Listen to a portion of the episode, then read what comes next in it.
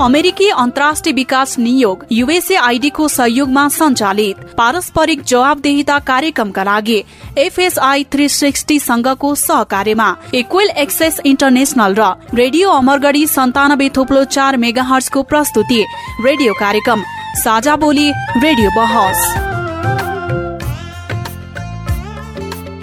नमस्कार साझा बोली रेडियो बहसमा तपाईँलाई हार्दिक स्वागत छ म लोकेन्द्र ओझा साझा बोली रेडियो बहसमा हामी नागरिक समाज आम सञ्चार माध्यम र सार्वजनिक निकाय बीचको पारस्परिक जवाबदेहिता र आपसी दिगो सम्बन्धका विषयमा बहस गर्छौँ।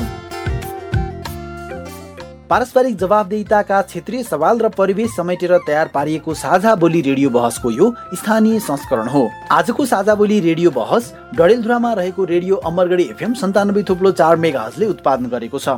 यो कार्यक्रम असाम जिल्लामा रहेको रेडियो जनप्रिय एक सय दुई दशमलव चार मेगाहजबाट पनि सुन्न सकिन्छ। साझा बोली रेडियो बहसको यस सत्रको यो स्थानीय संस्करणको आज सोह्रौँ भाग हो। झन्डै चार वर्ष अघिदेखि प्रसारण भइरहेको साझा बोली यस वर्ष रेडियो बहसको रूपमा उत्पादन तथा प्रसारण भइरहेको छ। साझा बोली रेडियो बहसको आजको भागमा हामी यही कार्तिक एक गति परेको अविरल वर्षाले भएको बाढीले ठुलो धनझनको क्षति भएको छ। अझै क्षतिको पूर्ण विवरण भने आउन सकिरहेको छैन। बाढी पहिरोले ज्यान गुमाउने तथा क्षतिग्रस्त भएको स्थानमा तत्काल राहत तथा उद्धार गर्न निकै जरुरी छ। बाढी पहिरो प्रभावित क्षेत्रमा कसरी छिटो भन्दा छिटो राहत तथा उद्धार गर्न सकिन्छ भन्ने विषयमा आजको साझा बोली रेडियो बहस हामीले स्थलगत रूपमा तयार पारेका छौँ। साझा बोली रेडियो बहस अमेरिकी अन्तर्राष्ट्रिय विकास नियोग युएसएआईडी मार्फत अमेरिकी जनताहरूको सहयोगका कारण सम्भव भएको हो। यस कार्यक्रमभित्रका विषयवस्तु र सामग्री पारस्परिक जवाबदेहिता कार्यक्रमका एकल जिम्मेवारी हुन्। र यहाँ प्रस्तुत भनाइले युएसएआईडी वा अमेरिकी सरकारको विचार प्रतिबिम्बित गर्छन् भन्ने जरुरी छैन। आजको कार्यक्रममा हुनुहुन्छ डडेलधुरा जिल्लाका प्रमुख जिल्ला अधिकारी मोहनराज जोशी अमरगढी नगरपालिकाका नगर प्रमुख विश्वेश्वर प्रसाद ओझा जिल्ला समन्वय समिति डडेलधुराका प्रमुख गणेशराज भट्ट अमरगढी नगरपालिका वडा नम्बर एकका वडा अध्यक्ष लोकबहादुर हेर जिल्ला प्रहरी कार्यालय डडेलधुराका प्रहरी नायब उपरीक्षक महेन्द्र नेपाल र सामुदायिक संस्थाको प्रतिनिधित्व गर्दै रुडुक कार्यालय डडेलधुराका कार्यकारी निर्देशक सरस्वती खड्का। अबको क्रममा सुनौ बाढी पहिरोको प्रभावित भएको क्षेत्रमा तयार पारिएको साझा बोली रेडियो बहसको केही नागरिकका गुनासा र सम्बन्धित निकायको जवाफ सहितको साझा बोली रेडियो बहस अब सहकर्मी राकेश दयालको साथमा सुन्न सक्नुहुन्छ। आज हामी साझा बोली रेडियो बहसमा बाढी पहिरो र यसलाई कसरी चाहिँ समस्या समाधान गर्न सकिन्छ राहत तथा उद्धारको विषयमा आज हामी कुराकानी गर्नेछौँ। म पहिरो प्रभावित क्षेत्रमा छु जहाँ चाहिँ एकतिस गते अथवा भनौँ गत महिनाको एकतिस गते रातिदेखि अविरल वर्षाका कारण डलधुरा जिल्लाको वडा नम्बर एक मात्रै होइन हुन त सुदूर पश्चिम नै आक्रान्त भएको छ। यस्तै समस्याले गर्दाखेरि यो देशको समृद्धि र विकास हुनबाट वञ्चित नागरिकहरू हुन स्थानीय सरकारदेखि अहिले केन्द्र सरकारसम्म जसरी पहल गरिराखेका छन् त्यो पहल चाहिँ अपर्याप्त हो त?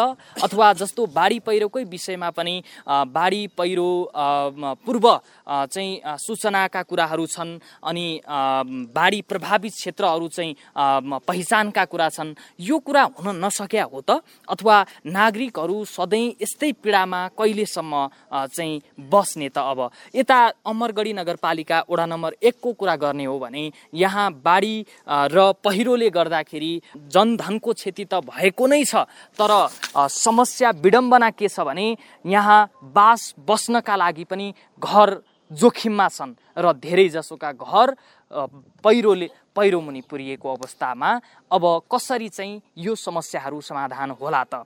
यतिखेर हामीसँग अतिथिको रूपमा हुनुहुन्छ डन्दुरा जिल्लाका प्रमुख जिल्ला अधिकारी मोहनराज जोशी त्यसै गरी अमरगढी नगरपालिकाका नगर प्रमुख विश्वेश्वर प्रसाद ओझा त्यसै गरी जिल्ला समन्वय समितिका प्रमुख गणेश राज भट्ट हुनुहुन्छ र यसै गरी सुरक्षा निकायलाई प्रतिनिधित्व गर्दै जिल्ला प्रहरी कार्यालय डन्दुराका प्रहरी नायब परीक्षक डिएसपी महेन्द्र नेपाल हुनुहुन्छ। त्यसै गरी अमरगढी नगरपालिका वडा नम्बर एकका अध्यक्ष लोकबहादुर ऐर पनि हुनुहुन्छ। त्यसै गरी रुडुकी कार्यकारी निर्देशक सरस्वती खड्का पनि हुनुहुन्छ। र आज हामी उहाँहरूसँग प्रत्यक्ष रूपमा नागरिकहरूका समस्याहरू अब यी समस्या कसरी समाधान होला कहिलेसम्म होलान् प्रतिबद्धता पनि गराउन लाउनेछौँ प्रतिबद्धताको फलोअप पनि गर्नेछौँ। नागरिकहरूका बाढी पहिरो जसरी अहिले प्रभावित भएर चाहिँ अहिले वासस्थान नै एउटा आक्रान्त भइरहेको छ समस्या छ वासस्थान नै कहाँ बस्ने भन्ने अन्यलता छ। त्यही भएर विकल्प पक्को रूपमा पनि स्कुल विद्यालयहरू चाहिँ हेर्नुपर्ने अवस्था छ। भोलिको दिनमा थप क्षति हुन नदिनका लागि पनि अब बस्ती स्थानान्तरण गर्नुपर्ने अवस्था आउन सक्छ। त्यसका लागि चाहिँ अहिले जनप्रतिनिधि लगायत प्रमुख जिल्ला अधिकारीज्यू जिल्ला समन्वय समितिका अध्यक्षज्यू लगायत आम नागरिकहरू यतिखेर चाहिँ निरीक्षणकै क्रममा गाउँमा आएका छौँ र यो कार्यक्रम अमरगढी नगरपालिका वडा नम्बर एकबाटै रेकर्ड भइरहेको छ। र अब यो समस्या र अन्य समस्याहरू के छन् नागरिकका समस्याहरू पनि लिनेछु। म सर्वप्रथम नागरिककै समस्या लिन्छु होइन? यतिखेर चाहिँ मसँग एकजना नागरिक हुनुहुन्छ। उहाँको जिज्ञासा गुनासा प्रश्न चाहिँ लिन्छु। मेरो नाम सुरेश अयर। म चाहिँ यहीँको स्थानीय मान्छे। म पनि पीडितै भनौँ होइन? पहिरो पहिरोले गर्दाखेरि हामी कोरोना पछिको महामारी भन्ने पहिरोले गर्यो हामीलाई बढी कोरोनाले त्यति पनि केही अप्ठ्यारो गरेन होइन? तर अहिले हाम्रो गाउँमा के भयो भने एकदम यो पानीको रातिको परेको पानीले गर्दाखेरि सबको घरको खालि घर एउटा नक्सा छ एउटा घरको वरिपरि उभिने ठाउँ छैन। यता भाँसिएको छ उता भाँसिएको छ पानी आएको छ ऊ आएको अनेक थरी आएछ ढुङ्गा मुढा आएछ रोडको पानी सबै बगेर त्यहाँ गएको छ। त्यसले गर्दाखेरि हामीलाई चाहिँ अब वासस्थान त्यहाँ बस्ने कसरी? घाम लाग्दा बिहान जाने अलि आकाशमा बादल लाग्दाखेरि हामी त्यो भित्र बस्न डराउने त्यस्तो स्थिति छ। त्यसको लागि अब हामीले अब राहतको अन्य कुराहरू त अब ठिकै छ होइन? त्यो राहत हामीले एउटा रेड क्रसबाट रेड क्रसबाट दुईवटा पाल चाहिँ उपलब्ध गराएर स्कुल आफ्नै स्कुलमा राति बास बसेका छौँ। त्यो भन्दाखेरि हाम्रो मेन समस्या हामीलाई के छ भने चाहिँ हामी दुई हजार चालिस सालमा पनि यो बाढी पीडितै गाउँ भएको हुनाले होइन? त्यसपछिको त्रिसट्ठीमा पनि त्यस्तै पहिरो गएर नासै दुई दुई तिनजनाको घर चाहिँ पुरै नासै भएको थियो। तर अहिले अब हामीलाई चाहिँ के छ भने हामीलाई एउटा सुरक्षित एउटा पाल टाँगेर एउटा स्थायी रूपमा बसोबास एउटा घरको व्यवस्था काहीँ गर्न पाए। हुन्छ। म तपाईँको प्रश्नको उत्तर माग्न चाहन्छु। यता हामीसँग अमरगढी नगरपालिकाका नगर प्रमुख विश्वेश्वर प्रसाद ओझा हुनुहुन्छ। अब मेयर साहब जस्तो उहाँले भने जस्तो अब एउटा घरको नक्सा पनि छैन वरिपरि चाहिँ उभिन पनि अब ठाउँ छैन होइन? उहाँले समस्या दर्शाउनु भयो तपाईँकै अगाडि। अब यो समस्या चाहिँ अब कसरी समाधान हुन सक्छ? यो लगातारको वर्षातका कारणले गर्दा धेरै बस्तीहरू जोखिममा छन्। अहिले पनि यो हामी जुन स्थानमा छौँ अमरगढी नगरपालिका वार्ड नम्बर एकको बन्ड गाउँमा पनि निकै जोखिम छ। अब यसका विषयमा लामो समयदेखि सञ्चारका कारणले पनि सबै बस्तीसम्म पुग्नु सकिएको अवस्थाहरू छैन। सबै ठाउँमा पुगेर यो लगत सङ्कलन गरिसकेपछि यसको एउटा समाधान खोज्नुपर्ने नै हुन्छ। र मुख्यतया यो अहिले तत्कालका लागि हामीले सामान्य खालको अस्थायी एउटा टहरा बनाएर यसको सल्युसन निस्किँदैन। जो बस्ती जोखिममा छ यहाँका नागरिकहरूमा एउटा खालको त्रासको वातावरण छ यो सबै लगत सङ्कलन गरिसके पछाडि यसका विषयमा समाधानको बाटोतिर अगाडि बढ्छ। हुन्छ। अब यो समाधानको बाटो चाहिँ उहाँले रोजिराख्नु भएको छ। सबै ओडाहरू अमरगढी नगरपालिकाका सबै ओडाहरूको प्रोफाइल अथवा भनौँ त्यो सबै समस्याहरू बुझेर त्यो समस्या समाधान हुनेछ भनेर नगर प्रमुखज्यूले भनिसकेपछि फेरि म अर्को नागरिकको जिज्ञासा लिन्छु प्रश्न लिन्छु समस्या लिन्छु। तपाईँको शुभ नाम? नमस्ते मेरो नाम मोहन हेर। हजुर। म पनि स्थानीय बासिन्दा र एउटा बाढी पीडित नै भनौँ। र मेरो क्वेसन चाहिँ सुरुमा स्थानीय सरकार र जिल्ला प्रशासनलाई छ र अहिलेसम्म दुई हजार चालिस सालदेखि बाढी पीडित गाउँ हुने भएकोले त्यहाँदेखि अहिले आउँदाखेरि चाहिँ हामीलाई एउटा दीर्घकालीन तत्कालको लागि आपतकालीन होइन कि दीर्घकालीन एउटा ठाउँ निश्चित स्थानमा र निश्चित ठाउँमा कहिले र कहाँसम्म पाउँछ कि पाउँदैन भन्ने क्वेसन चाहिँ मेरो रहन्छ। हुन्छ अ, तपाईँको प्रश्नको उत्तर म प्रमुख जिल्ला अधिकारी मोहनराज जोशीज्यूबाट लिन्छु।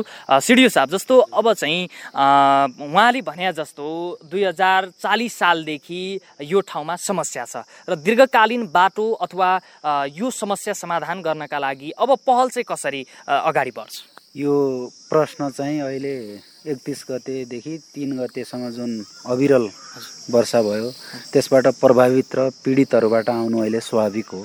वास्तवमा यस्तो किसिमको वर्षा सायद कार्तिकको महिनामा लामो समयसम्म आएको जानकारी छैन भन्ने हामीभन्दा अग्रज मान्छेहरूले पनि यो कुरो भनिराख्नु भएको छ।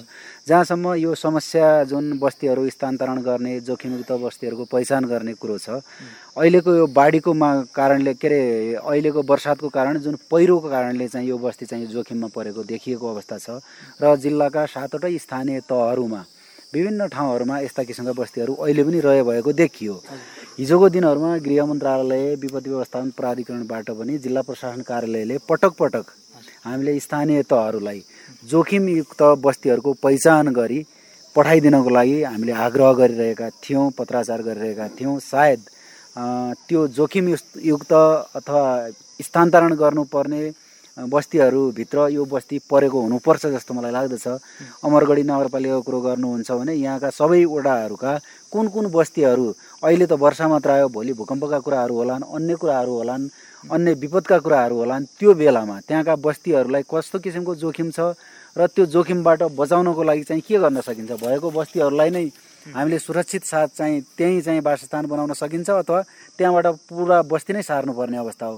त्यसैको लागि राज्यले चाहिँ दीर्घकालीन रूपले एउटा अवधारणा र सोच बनाएर त्यस्ता किसिमका बस्तीहरूलाई सुरक्षित स्थानमा स्थानान्तरण गर्नको लागि नीति नै लिएको छ। र स्थानीय तहहरूले पनि आफ्नो स्थानीय तह अन्तर्गत त्यस्ता किसिमका बस्तीहरू पहिचान गरेर हामीले प्राविधिक रूपले पनि त्यस्ता किसिमका बस्तीहरू त्यो ठाउँमा राख्न उपयुक्त छैन भन्ने चाहिँ हामीले जानकारी प्राप्त गरिसकेपछि जोखिमयुक्त बस्तीहरू पहिचान गरेर तिनीहरूलाई सुरक्षित स्थानमा राख्ने नीति लिनुपर्दछ र हामीले अबको विकल्प भनेकै यस्ता किसिमका जहाँ जहाँ बस्तीहरू जोखिममा छन् त्यसैको नजिक अथवा त्योभन्दा टाढा कहाँ लगेर बस्तीहरू विकास गर्ने त?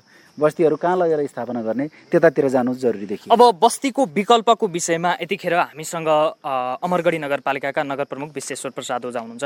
अब विकल्प चाहिँ के छ? अहिले जस्तो वडा नम्बर एककै विषयमा पनि कुरा गर्ने होइन अब समग्र रूपमा जुन हाम्रो बस्ती छ अथवा हाम्रो बसाइको अवस्था छ। यो धेरै जोखिमयुक्त र जुन विकास निर्माणका दृष्टिकोणले पनि निकै कठिनाइको अवस्था छ। किनभने हाम्रो अहिले अधिकांश बस्ती छरिएर रहेको छ। यो हुँदा त्यहाँसम्म सडक विस्तारदेखि विद्युत यी सबै कुराहरूमा निकै कठिनाइ छ र वास्तवमा राज्यको ठुलो रिसोर्स खर्च भइरहेको छ। यसका कारणले गर्दा एकातिर यो यो खालका जोखिमहरू बढी निम्तिएका छन्। यो विगतको अनुभवले यो कुरा पनि देखाएको छ यो कुराहरू प्रुभ गरेको छ। त्यस कारणले गर्दा यहाँका स्थानीयहरूसँग छलफल गरिसकेको गरिसके पछाडि यो बस्तीको अध्ययन गराउने मुख्यत यसको भौगोलिक अवस्थाको अध्ययन गराउने कुराहरूमा पनि हामी अगाडि बढ्छौँ। अब जस्तो अमरगढी नगरपालिका वडा नम्बर एकका अध्यक्ष लोकबहादुर अहिर पनि हामीसँग हुनुहुन्छ। अब जस्तो तपाईँ वडा नम्बर एककै अध्यक्ष होइन? अब यहाँ नागरिकहरूको तपाईँले समस्या त देखिहाल्नु भयो र उहाँहरूको गुनासो पनि तपाईँले कसरी रिपोर्टिङ गरेर नगरपालिकासम्म अथवा कार्यपालिकासम्म अहिलेसम्म नपुग्नुको पछाडि चाहिँ के तपाईँ कमजोर? धन्यवाद। प्रश्नका लागि यो लगभग दुई हजार चालिस सालमा बाढी पीडित भयो। त्यसपछि आएर सुक्खा मौसम रह्यो र यो एकतिस गतिदेखिको अविरल वर्षाका कारणले बिचमै एक गते मैले उहाँ पैँतिस घरदुरीका परिवारहरूलाई स्कुलको यहाँ ल्याएर त्यो किसिमको व्यवस्थापन र कम्तीमा ज्यान सुरक्षा गर्नका लागि पनि त्यो किसिमको अवधारणा भयो र चालिस सालमा दुई टुक्रा भएर त्यो जमिन। त्यो प्रेस विगति निदिएको पनि होइन। प्रशासनसम्म र गृह मन्त्रालयदेखि लिएर रक्षा मन्त्रालयसम्म यो चौबिस सय अन्तिस रोपनी जग्गा यो बन्न दुधकाँडे र यहाँवाला मान्छेहरूको चौबिस सय अन्तिस रोपनी जमिन दहको जमिन र त्यसपछि यो बन्नको जमिन र यतातिर दुधकाँडेको जमिनहरू। त्यति बेलादेखि नै त्यो पहलमा छ प्रक्रियामा छ र यो जानकारी भनेपछि अहिले अब तपाईँ जनप्रतिनिधि भएको अब कार्यकाल सकिँदैछ साढे चार वर्ष पुरा भइसक्यो होइन? अब तपाईँ जनप्रतिनिधिको पद सकिएपछि अथवा कार्यकाल सकिएपछि फेरि तपाईँ प्रोसेस अगाडि कसरी बढाउनुहुन्छ? तपाईँ त सरकारमा भोलिको दिनमा हुने सम्भावना पनि नरहन सक्छ। धन्यवाद। यो कस्तो छ भने चाहिँ वास्तवमा नै यो बन्न यो मनाना डोला र भेटा चारवटा मेरो बस्ती एक नम्बरको तेह्रवटा टोल छ मसँग।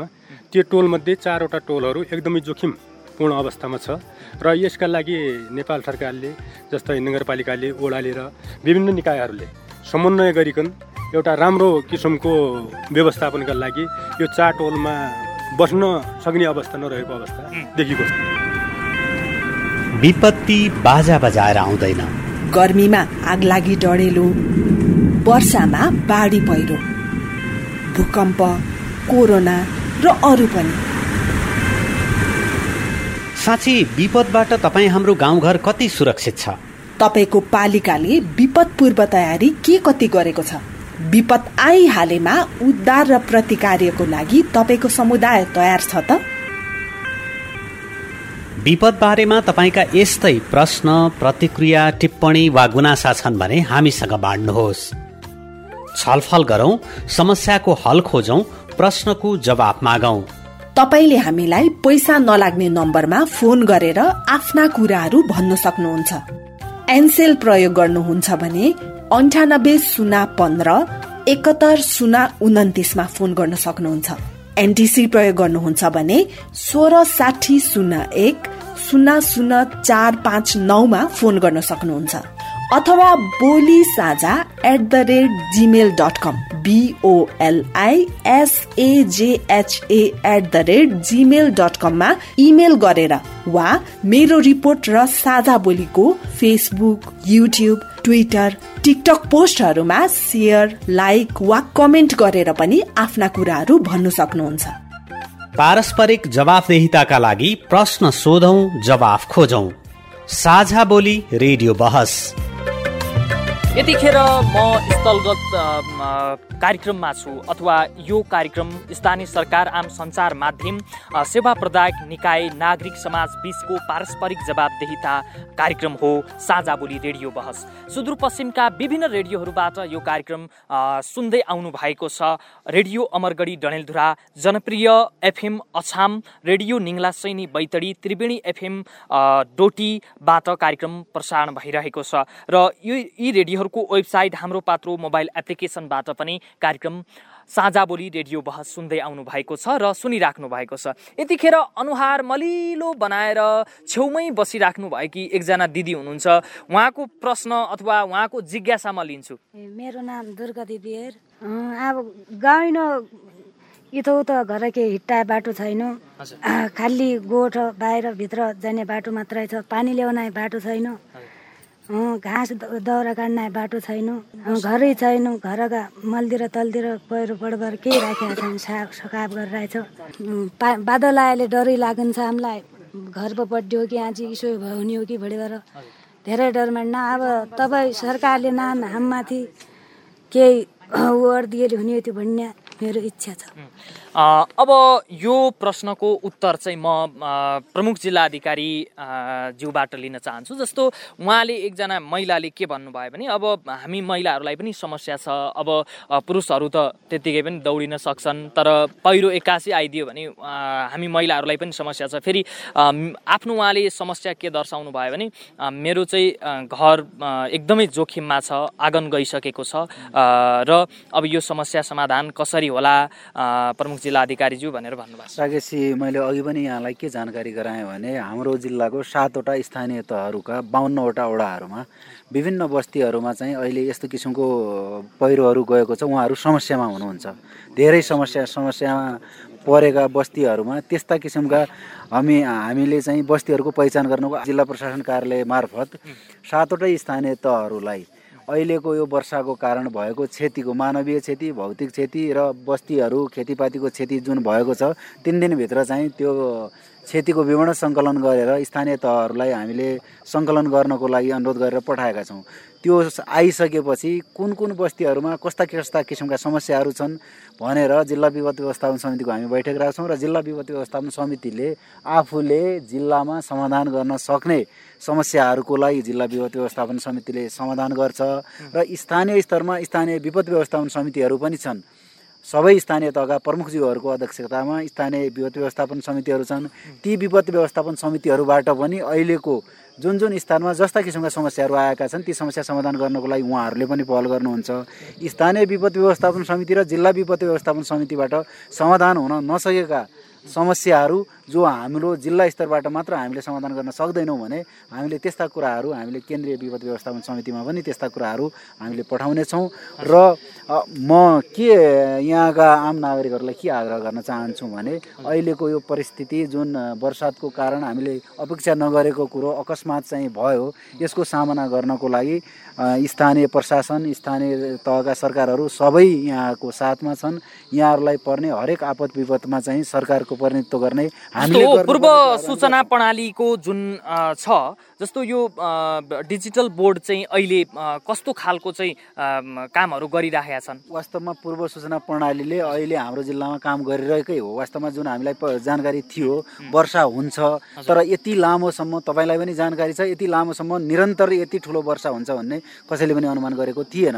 तर तिन चार दिनसम्मको लगातार वर्षाहरूले हाम्रो सञ्चार अवरुद्ध भयो विद्युत अवरुद्ध भयो। त्यो बेलामा हामीले पाएको सूचनाहरू पनि सबै सूचनाहरू स्थानीय स्तरमा ती अवरोधका कारणले हामीले पुर्याउन सकेनौँ। त्यसको कारणले हामी भाग्यमान नै मान्नुपर्छ। कम्तीमा हाम्रो जिल्लामा मानवीय क्षति दुईजना तिनजनाको सङ्ख्यामा मात्र भएको छ।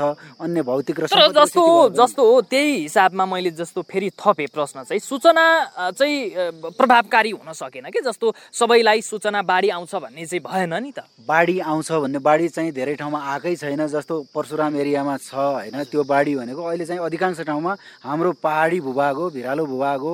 हाम्रो जमिन त नै त्यही प्रकारको छ पहिरोहरू आएका छन्। त्यो पहिरो त अब यहाँको यो जुन अहिलेको निरन्तर तिन चार दिनको वर्षा भयो त्यो वर्षाको कारणले चाहिँ आउन सक्ने कुरालाई पूर्वानुमान थियो।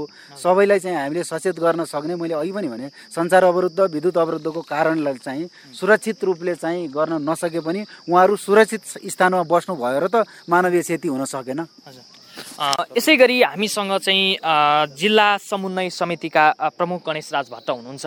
अब तपाईँ जिल्ला समन्वय समितिको प्रमुख अहिले यस्तो विपदको समयमा जस्तो डलधुरा जिल्लाका सातवटै स्थानीय तहहरूको अवस्थाबारे तपाईँले चाहिँ कसरी स्थानीय तहसँग समन्वय गरिराख्नु भएको छ जस्तो बाढी पहिरो लगायतको अब त्यसका लागि हाम्रो चाहिँ तत्काल राहतका लागि उहाँहरूलाई चाहिँ गर्नुपर्ने व्यवस्था स्थानीय सरकारदेखि हाम्रो प्रदेश सरकारले कहाँ कहाँबाट नागरिक समाज एनजिओ आइएनजिओ सबै तर्फबाट चाहिँ त्यो सहयोगको लागि मैले अपेक्षा पनि गरेका छौँ निवेदन पनि गर्न चाहन्छु। र दीर्घकालीन रूपमा चाहिँ उहाँहरूको बस्ती नै अर्को ठाउँमा सार्नका लागि प्रदेश सरकार र सङ्घ सरकारले यसमा चाहिँ तत्परता देखाउनु पर्दछ। यो विषयमा सम्मान्य प्रधानमन्त्रीज्यूसँग पनि हामीले चाहिँ कुरा राखेका छौँ। यहाँका जनताले पनि आफ्नो चाहिँ निवेदनहरू उहाँलाई चाहिँ दिनुभएको छ र हामीले पनि मैले पनि जिल्ला समन्वय समितिको तर्फबाट समग्र डणधुरा जिल्लाको वस्तुस्थिति प्रस्तुत गरेको छु। त्यसकारण मैले के देख्छु भने अब हाम्रो समग्र जिल्लाको चाहिँ डाटा आउनु बाँकी नै छ। कहाँ कति क्षति भएको छ? धनजनको कसरी क्षति भएको छ?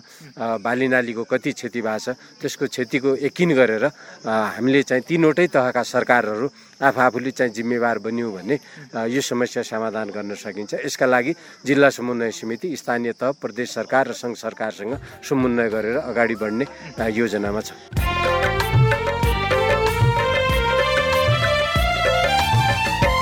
अब त्यसै गरी राहत र उद्धारको विषयमा जस्तो एउटा स्थानीय सरकार प्रदेश सरकार केन्द्र सरकार मात्रै नभइकन विभिन्न सङ्घ संस्था नागरिक समाज को पनि काम उत्तिकै दायित्व उत्तिकै हो। त्यसै गरी हामीसँग संस्थाको एउटा प्रतिनिधित्व गर्दै रुडुक डनधुराका कार्यकारी निर्देशक सरस्वती खड्का हुनुहुन्छ। अब अहिले रुडुकले यो बाढी पहिरोको सन्दर्भमा के कस्तो कामहरू गरिरहेको छ हामीले अब विभिन्न स्थानीय सर सबै स्थानीय सरकारसँग र सरोकारवाला निकायहरूसँग पनि हामी कोर्डिनेसनमा छौँ। कुन कुन पालिकामा कस्तो कस्तो क्षति भयो भनेर हामी मौखिक रूपमा फोनको माध्यममा संस्था आफै र सबैलाई हामीले जानकारी लिइरहेका छौँ। र जानकारी लिइसकेपछि अब संस्थाले सबै कुरा हामीले गर्न सक्छ भन्ने कुराहरू त्यहाँ हुँदैन। त्यसको सम्बन्धित निकायमा हामीले समन्वयात्मक भूमिका गर्ने र साथसाथै हामीले पनि संस्थाले पनि अप्ठ्यारो परिस्थितिमा हात बाँधेर चाहिँ बस्दैनौँ। र हामीले संस्थाको आफ्नो दात्री निकायहरूसँग आइएनजिओहरूसँग जसले हामीलाई फन्ड दिन्छ उहाँसँग हामीले सबै ठाउँमा हामीले सर्कुलेसन गरिसकेका छौँ। र दिनदिनै आज एउटा रिपोर्ट आइरहेको छ जिल्लामा भोलि पुरै रिपोर्ट आइपुगेको छैन।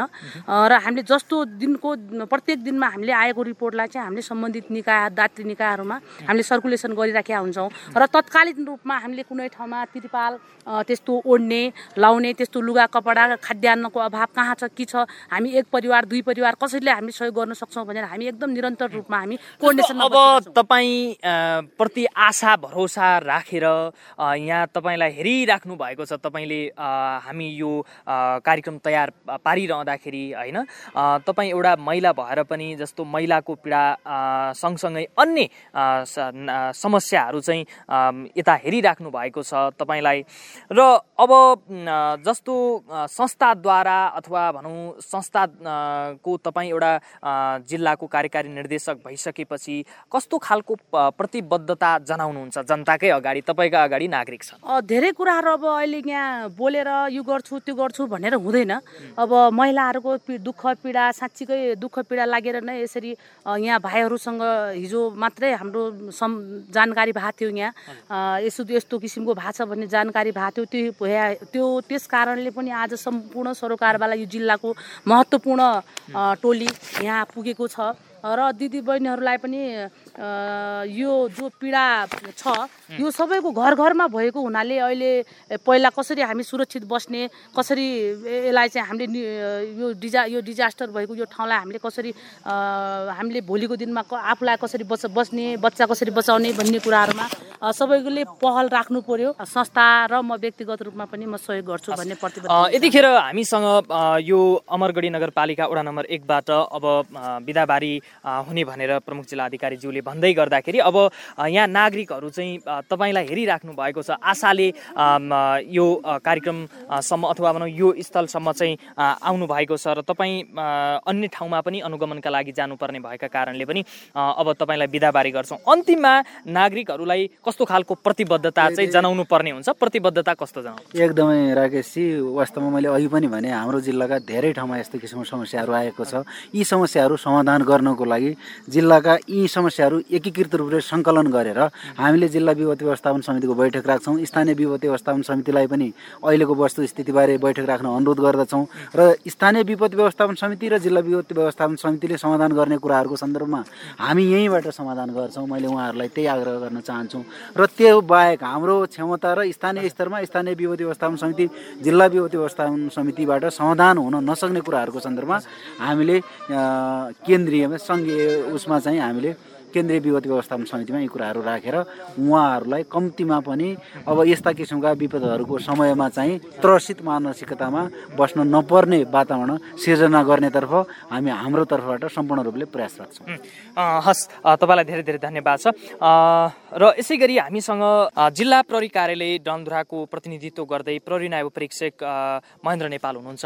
अब जस्तो सुरक्षा त एकातिर छँदै नै छ। अब उद्धारको कुरामा पनि प्रहरी राति भए पनि खटिनु पर्ने अवस्था छ। यो जस्तो एकतिस गतेकै कुरा गरौँ होइन एकतिस गतेदेखि आजसम्मकै कुरा गरौँ होइन कस्तो चुनौती चाहिँ खेप्नु भयो?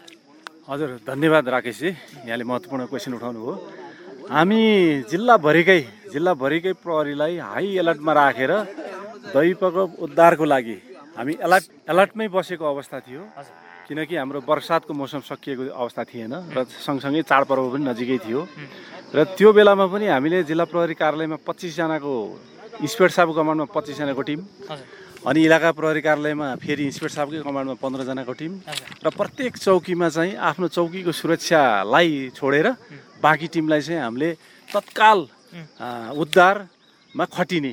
जस्तो जन जनशक्तिको कमी थियो या कस्तो? हजुर निश्चय नै जनशक्ति जनशक्ति त हामीलाई आवश्यकता अनुसार परिपूर्ति गर्न सकेका थिएनौँ।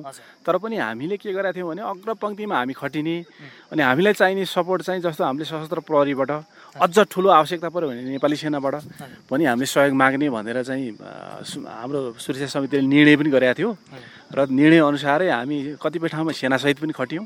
कतिपय ठाउँमा हामी एक्लै खट्यौँ भने कतिपय ठाउँमा सशस्त्र प्रहरी लगायत खट्यौँ। र हामीले सक्दो प्रयास गरेर नागरिकलाई जोगाउने सर्वप्रथम मान्छेको जीव ज्यान जोगाउने त्यसपछि धन सम्पत्ति जोगाउने र पशु चौपाय अझै सकिन्छ जोगाउने।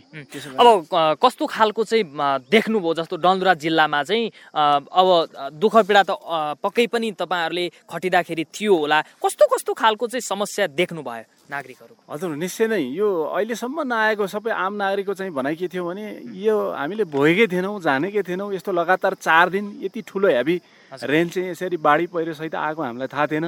इभन महाकाली नदी जोगबुडा एरियाकै कुरा गरौँ। महाकाली नदी पनि उच्च जोखिममा आयो र राति हामीले घन्टी बजाउनु पऱ्यो एलर्टनेस गर्नु पऱ्यो बस्तीलाई सार्नै पऱ्यो ताता पानीमा त।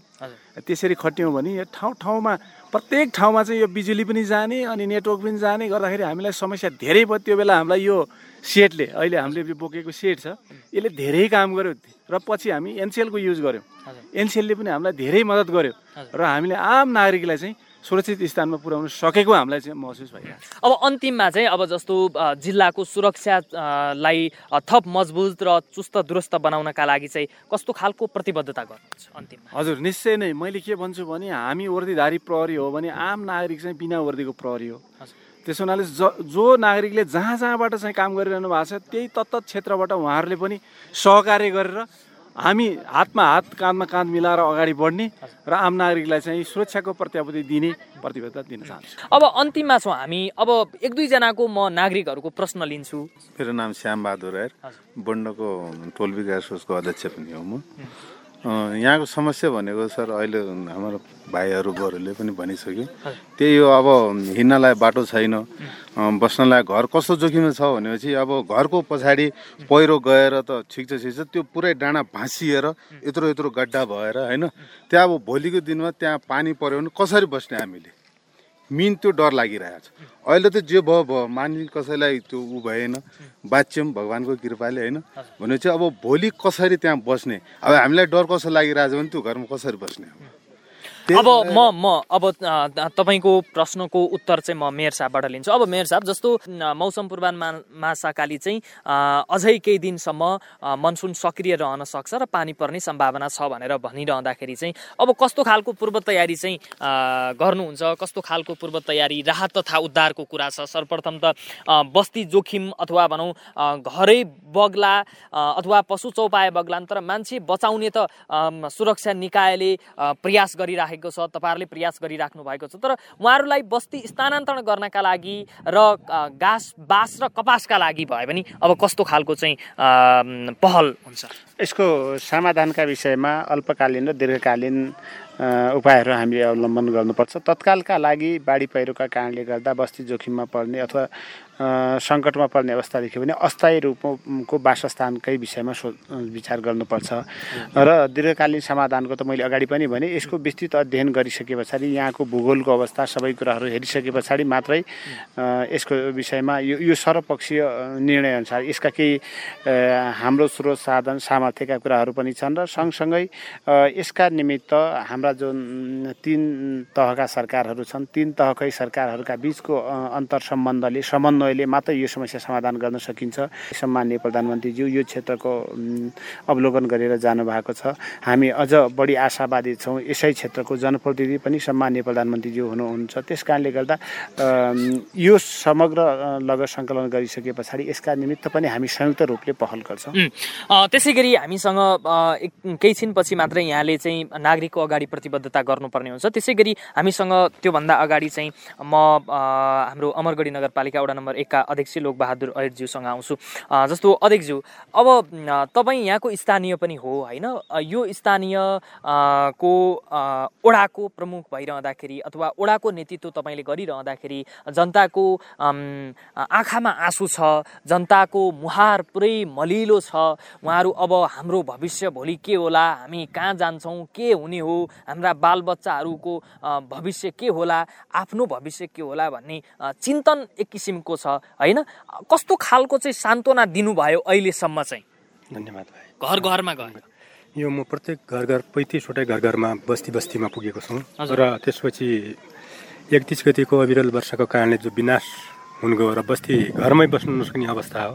त्यसपछि एक गति आएर यो रेड क्रसबाट केही तिरपालहरू र ओडाबाट र व्यक्तिगत तर्फबाट पनि केही राहत यो रासनका कुराहरू ल्याएर तपाईँहरू घरमा नबस्दिनुहोस् र यो स्कुल छ भूमिराज प्रावि यहाँ आएर बस्नुहोस् र गोरु बाछा यो बाख्राहरू पनि ल्याएर दुई तिन कोठामा गोरु बाछा समेत राखेर बस्ने अवस्था रह्यो र उहाँहरूका लागि भोलिका दिनमा पनि सबै समुन्नय तिनवटै तहको सरकार र यो नगरपालिकाको सबै कुरोहरूलाई ध्यानमा गएर भोलि बैठक बस्ने बित्तिकै कार्यपालिकामा उच्च स्वर लिएर यो भर्खरै तपाईँले एउटा प्रश्न सोध्नु भएको मलाई। यो पद चार साढे चार वर्ष भइसक्यो अब छ महिनामा के भन्छ मेरो जीवन रहन्जेलसम्म म यहाँको स्थानीय पनि हो र एउटा वडा नम्बर एकका लागि भोलि पदमा रहे पनि नरहे पनि त्यस्तो अवस्थामा यो आवाजहरू जल्दा बल्दा आवाजहरू र जनताका लागि उठेका यी कुराहरूको समाधानका लागि म निरन्तर लागिरहनेछु।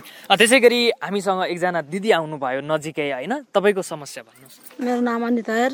मेरो त घर केही छैन बस्नु बाटो छैन हामीलाई। धेरै अप्ठ्यारो छ। एकदम हेर्दो गया उन गया भए धेरै धेरै हामीलाई त कहीँ जाने ठाउँै नि त भाग्दो नु त भाग्दो पुरा घरै पछाडि पुरा दाब्यो केही छै छैन जाने बाटो छैन बस घरै छाडे अब मेयर साहबसँग जान्छु। जस्तो मेयर साहब अब उहाँको मात्रै समस्या होइन हुन त यो डन्दुरा जिल्लाको सातवटै स्थानीय तहको समस्या हो र नौवटाकै समस्या हो होइन? अब यस्तो समस्याहरू समाधान गर्नका लागि अब बासको व्यवस्था त पहिलो कुरा आउँछ होइन? अहिले तत्कालीन रूपमा बाढी पहिरो अथवा भनौँ मौसम सपा पूर्ण रूपमा नहुँदासम्म त अप्ठ्यारो छ नै। र त्यसपछिको कुरा अब जस्तो बस्ती बसाउनु पर्ने होइन? नयाँ ठाउँमा घरै बनाउनु पर्ने खालको स्थिति आयो भने अब कस्तो खालको चाहिँ पहल हुन्छ? अब यसका निमित्त त मैले अगाडि पनि जोडेँ। किनकि हामीले जुन बस्तीको निरीक्षण अध्ययन गऱ्यौँ सबै ठाउँहरूमा यद्यपि हामीले धेरै ठाउँमा पुग्नु बाँकी छ किनकि यही यही टोलमा पनि सबै ठाउँमा पुग्न सकिएको छैन भने हिजोसम्म सञ्चार विच्छेद थियो। सञ्चार विच्छेद भएका कारणले गर्दा पनि अझ समग्र अमरगढ नगरपालिकाका एघारवटै वार्डको लगत सङ्कलन गर्न सकिएको छैन। यो लगत सङ्कलन गर्दैछौँ। यो सबै लगत सङ्कलन गरिसके पछाडि कुन कुन ठाउँका कुन खालका समस्याहरू हुन् र त्यसको समाधान के हो? यसको दीर्घकालीन समाधान के हो अल्पकालीन समाधान के हो यो दुइटै विषयहरूमा हामी एउटा खालको निष्कर्षमा पुग्छौँ र अगाडि बढ्छौँ। हुन्छ। अब हामी कार्यक्रमको अन्त्यतिर पनि छौँ। अब अन्तिममा एकजना बुवाको आवाज लिन्छु। तपाईँको शुभ नाम? नमस्कार मेरो नाम प्रेम बहादुर राई हो म यहाँ स्थानीय पीडितै हो म पनि। मेरो प्रश्न मेरो साहब र अध्यक्षज्यूलाई भनौँ होइन? हाम्रो यो समस्या त सबैले थाहा पाइहाल्यो। सबैले देखिहाल्यो होइन? सबैलाई थाहा छ।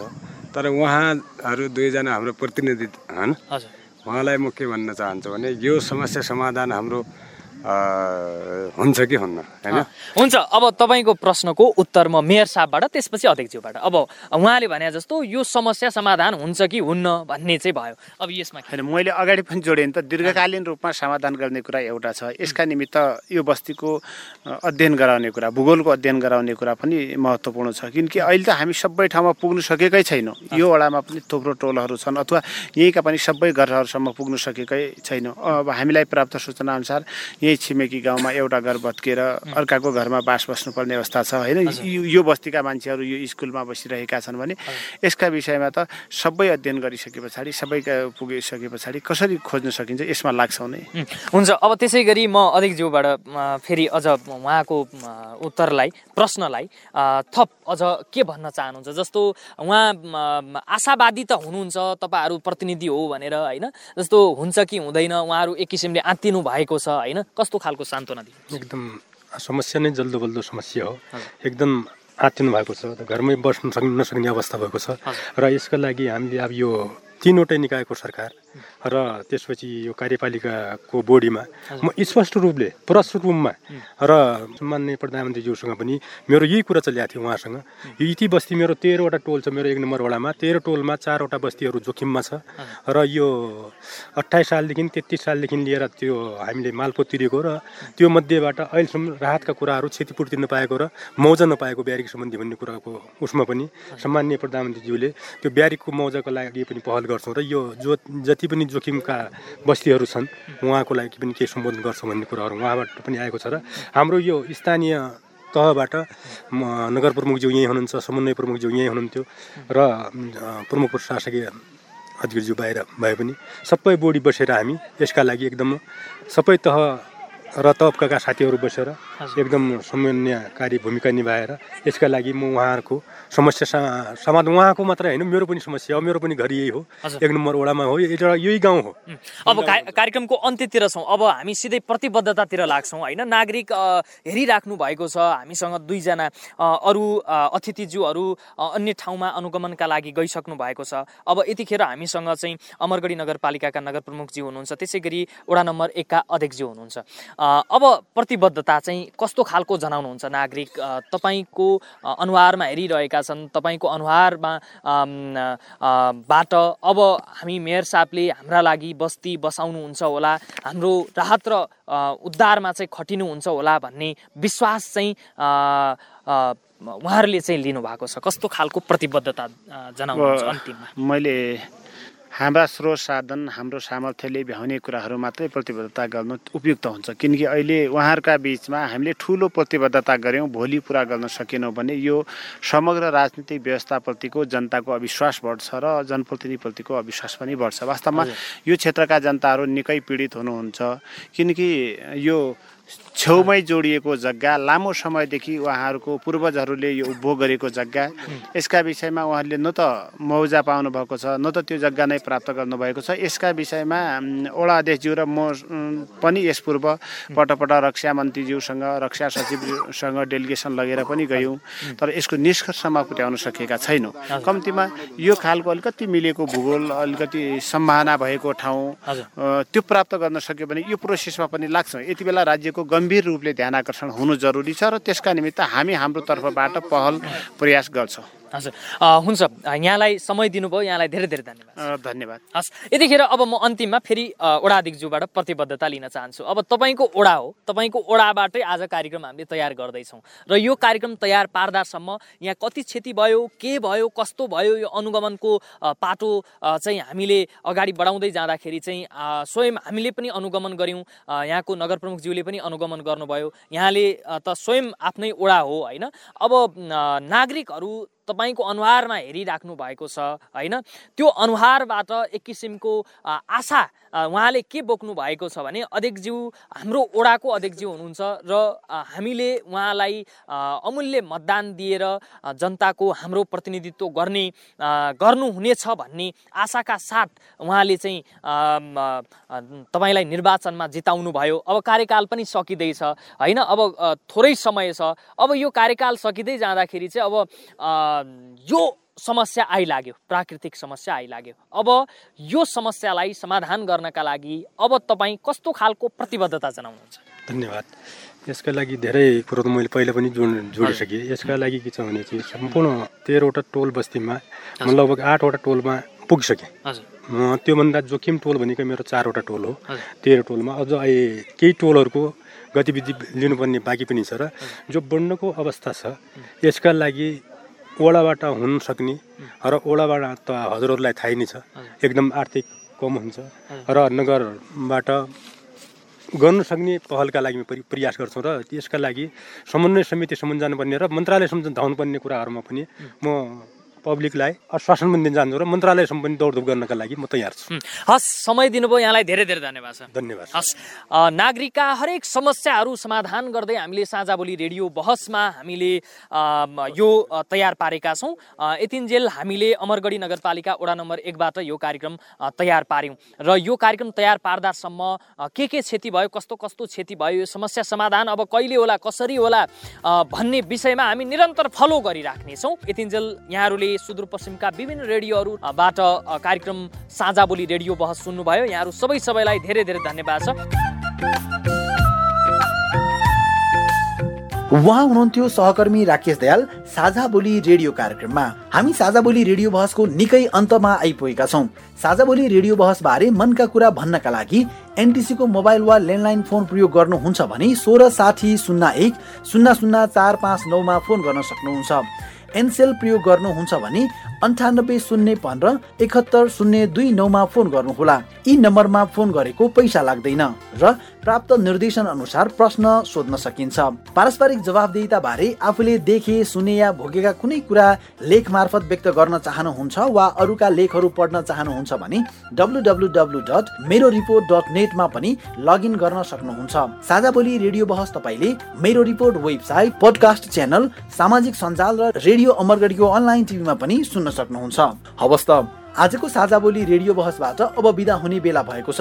आजको कार्यक्रममा हामीले बाढी पहिरोको प्रभावित क्षेत्रमा राहत तथा उद्धार छिटो र प्रभावकारी रूपमा कसरी गर्न सकिन्छ भन्ने विषयमा कुराकानी गर्यौं आजको कार्यक्रमका अतिथि हुनुहुन्थ्यो डडेलधुरा जिल्लाका प्रमुख जिल्ला अधिकारी मोहनराज जोशी अमरगढी नगरपालिका डडेलधुराका नगर प्रमुख विश्वेश्वर प्रसाद ओझा जिल्ला समन्वय समिति डडेलधुराका प्रमुख गणेश राज भट्ट अमरगढी नगरपालिका वडा नम्बर एकका वडा अध्यक्ष लोक बहादुर एर जिल्ला प्रहरी कार्यालय डडेलधुराका प्रहरी नायब उपरीक्षक महेन्द्र नेपाल र सामुदायिक संस्थाको प्रतिनिधित्व गर्दै रुडुक डडेलधुराका कार्यकारी निर्देशक सरस्वती खड्का। यतिन्जेलसम्म ध्यान दिएर कार्यक्रम सुन्नु भएकोमा तपाईँलाई धेरै धेरै धन्यवाद। आगामी हप्ता पनि आजको जस्तै समसामयिक सार्वजनिक जवाबदेताको अर्को विषयमा खरो छलफल ल्याएर हामी आउने नै छौँ। सुन्न नबिर्सिनुहोला।